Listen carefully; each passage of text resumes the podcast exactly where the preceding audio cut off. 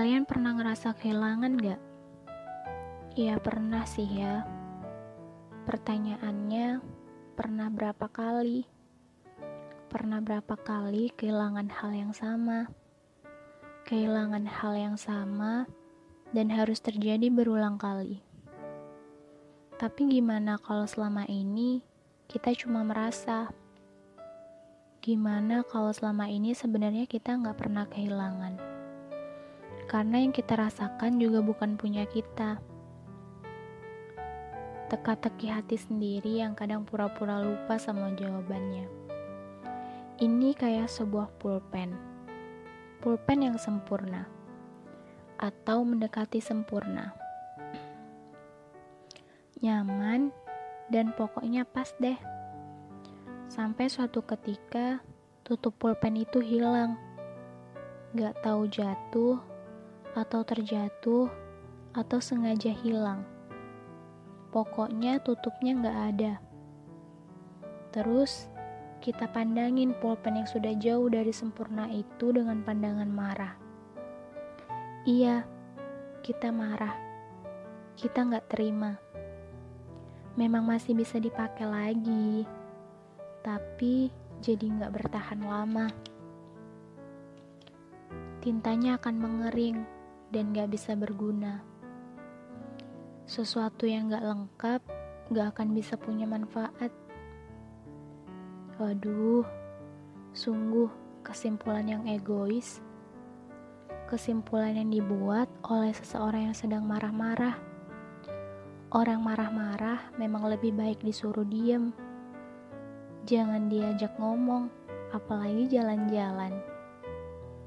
Beberapa rasa akan kembali ke sedia kala dengan sendirinya. Gak semuanya perlu diturutin kan? Apalagi nurutin amarah sendiri. Eh, ngomongin kehilangan, kehilangan itu gak akan pernah menjadi topik menyenangkan. Gimana ya ngejelasinnya? Aku sering nanya ke diri sendiri nih sebenarnya kayak apa sih kehilangan itu? Mungkin beberapa penyakit yang parah, saking menyakitkannya, sampai udah gak bisa lagi dijelasin rasanya kayak apa. Mungkin kehilangan juga kayak gitu, cuma lebih parah, lebih parah dari perpisahan, lebih parah dari kesepian lebih parah dari kekecewaan. Dan buat aku, kehilangan itu titik lemahnya manusia. Aku bahkan gak pernah cerita ke siapa-siapa tentang segala hal yang hilang dari duniaku. Entah yang hilang itu mimpi, teman, kekasih, atau cuma sekedar rasa senang yang umurnya singkat. Kenapa aku simpan sendirian? Karena aku gak mau orang lain tahu kelemahanku. Bahwa sejujurnya, apa pun akan aku tukar agar kehilangan gak masuk dalam cerita. Tapi, akan aku ceritakan di sini sekarang, malam ini. Ketika keadaan Ibu Pertiwi sedang kurang baik, hmm, ketika cemas menghantui diri sendiri. Ketika kabar berita jadi satu-satunya doa. Semoga berkurang, semoga cepat hilang, semoga cepat sembuh. Ketika kamu, aku, kita sedang di rumah aja. Walau gak sedikit loh, mereka yang menaruh nyawa Bayangin, naruh nyawanya sendiri untuk orang yang bahkan gak mereka kenal. Petugas medis, orang yang masih harus ke kantor, ojek online, pekerjaan yang gak kenal pulang. Gak apa-apa, nanti juga lewat.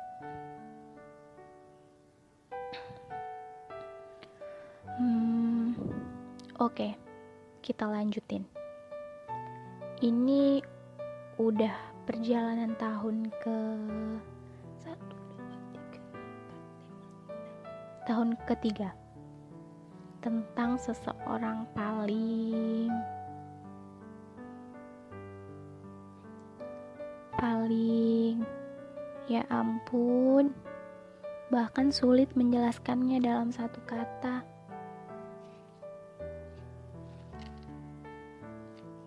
karena selama itu pula dia menjelma kamus bahasaku udah deh kalian pasti tahulah rasanya kalian pasti punya seseorang yang yang kalian kasih segalanya kasih apa saja bahkan tanpa perlu dia minta. Kasih perasaan yang tumbuh sempurna tanpa perlu dirawat. Sampai suatu hari ada pesan yang datang dari kepala sendiri bahwa bahwa sebenarnya kita bukan siapa-siapa. Aduh, ini bakal ketahuan deh kebodohan aku. Huh. Oke. Kita terusin. Terus, aku dan dia gak aku sebut kami karena kita belum menyatu. Hmm, aku dan dia gak ketemu satu bulan. Dia semakin jauh, semakin jauh untuk dijangkau, semakin asing untuk diceritakan Aku cuma merasa semakin gak kenal dengan dunianya yang sekarang. Bukan salahnya. Aku yang harusnya gak pernah cari tahu, mau tahu, dan sampai peduli dengan kehidupannya yang kalaupun dia hancur, itu bukan tanggung jawab aku. Aku... Aku terlalu takut dia kenapa-kenapa. Sampai aku gak sadar bahwa selama menyayanginya, banyak kenapa-kenapa yang terjadi dalam dunia aku. Cuma gak pernah aku anggap. Aku selalu jaga perasaannya. Sampai aku lupa bahwa ada perasaan yang lebih penting dari itu. Perasaan yang sekarang akan aku selamatin. Perasaan itu perasaan aku sendiri. Seperti yang pernah aku bilang, bahwa banyak rasa sakit yang tertutup dengan alasan kasih sayang. Tiga tahun aku bangun cerita ini dengan pondasi itu. Pondasi yang aku buat sendiri. Rasa sakit yang aku simpan sendiri. Dan kasih sayang yang aku rayakan sendirian. Walau walau hingga detik ini cuma dia yang mandang aku sebagaimana aku. Dia memandang aku sebagai diri aku yang dia kenal, dan itu sempurna. Hal sederhana yang mustahil bisa aku cari kalau bukan di dia. Andai waktu bisa berhenti ketika lagi sama dia ya. Ketika gak ada momen yang lebih menyenangkan dari itu. Ketika satu-satunya hal paling menakutkan di bumi cuma pulang. Aku kira dia bisa terbiasa Aku kira nggak sampai selama ini untuk menunggunya mengetuk pintu. Padahal dia tahu, dia tahu aku menyayanginya. Dia tahu kenapa aku nggak bisa berhenti baca buku. Dia tahu kalau tiap buku yang aku baca itu aku cuma berusaha untuk mencari toko yang lebih hebat dari dia, tapi nggak ketemu juga. Dia juga tahu kenapa aku menulis. Dia tahu kalau aku sedang menyelipkan banyak kasih sayang untuknya di tiap kata. Supaya supaya nggak utuh aku simpan sendirian. Dia tahu dan dia nggak bisa merasakan yang sama. Hmm, gak kerasa nangis juga akhirnya. Aku sedih karena aku gagal. Aku gagal untuk gak capek. Aku pernah berharap semoga aku selalu sanggup untuk bertahan di sebuah rumah yang sejak awal gak pernah ada wujudnya. Aku pernah berharap semoga aku gak pernah capek untuk terus menyayanginya. Aku pernah berharap semoga semesta gak pernah kirim orang lain, karena aku maunya dia. Bahkan, aku juga berharap semoga, semoga dia gak pernah ketemu sama apa yang dia cari. Supaya untuk sebentar aja dia melihat ke arah aku dan semua harapan itu ternyata nggak bener. Teringat obrolan terakhir hari itu. Dia nanya, Ci, tahu Hazim Amir? Hazim Amir. Ada tulisannya yang saya suka. Hmm, matanya indah. Kadang sulit untuk fokus mendengarkannya bicara. Ji? Iya apa? Hazim Amir kan? Hazim Amir kenapa? Hazim Amir siapa? Iya tenang-tenang. Saya mau bacain kamu kutipannya yang begitu indah. Begini bunyinya. Sesekali aku ingin menabrakkan kepala ini pada lokomotif yang sedang berjalan, atau pada tembok penjara wanita di Merdeka Selatan atau terjun ke laut untuk tidak kembali. Waktu itu aku cuma diam, terkagum-kagum oleh suaranya yang indah. Sampai aku sadar bahwa itu sebuah perpisahan. Cuma kalau boleh memilih, kalau kalimat itu diubah menjadi pertanyaan, aku ingin sekali menjawabnya dengan Bagaimana bila kita saja terjun ke laut dan tidak kembali? Bagaimana bila kita pakai opsi yang ketiga? Toh kita sama-sama tidak suka dengan dunia ini kan? Iya kan? Enggak. Enggak mungkin aku memilih jawaban itu. Karena aku tahu itu bukan ajakan. Dia mau melakukan itu sendirian. Atau dengan seseorang yang bukan aku. Dan itu... Itu nggak gampang. Aku cuma kepikiran kenapa dia nggak menghilang dan memberikan jawaban tidak sejak awal.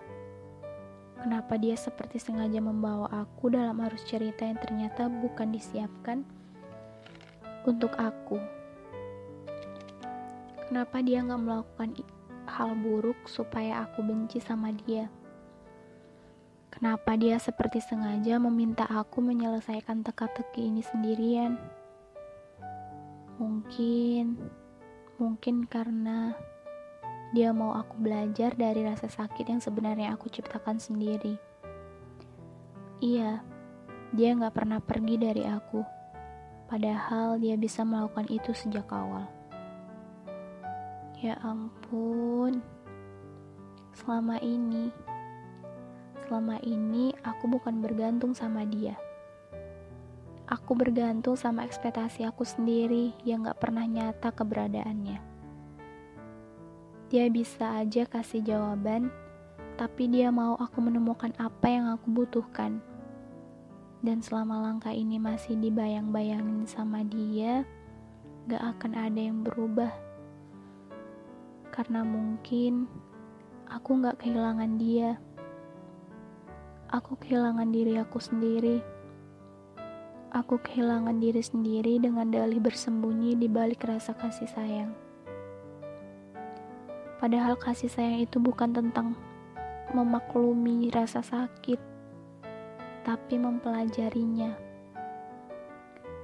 Angan-angan aku menciptakan tokoh yang kelihatannya jahat, padahal aku juga yang menciptakan tokoh itu.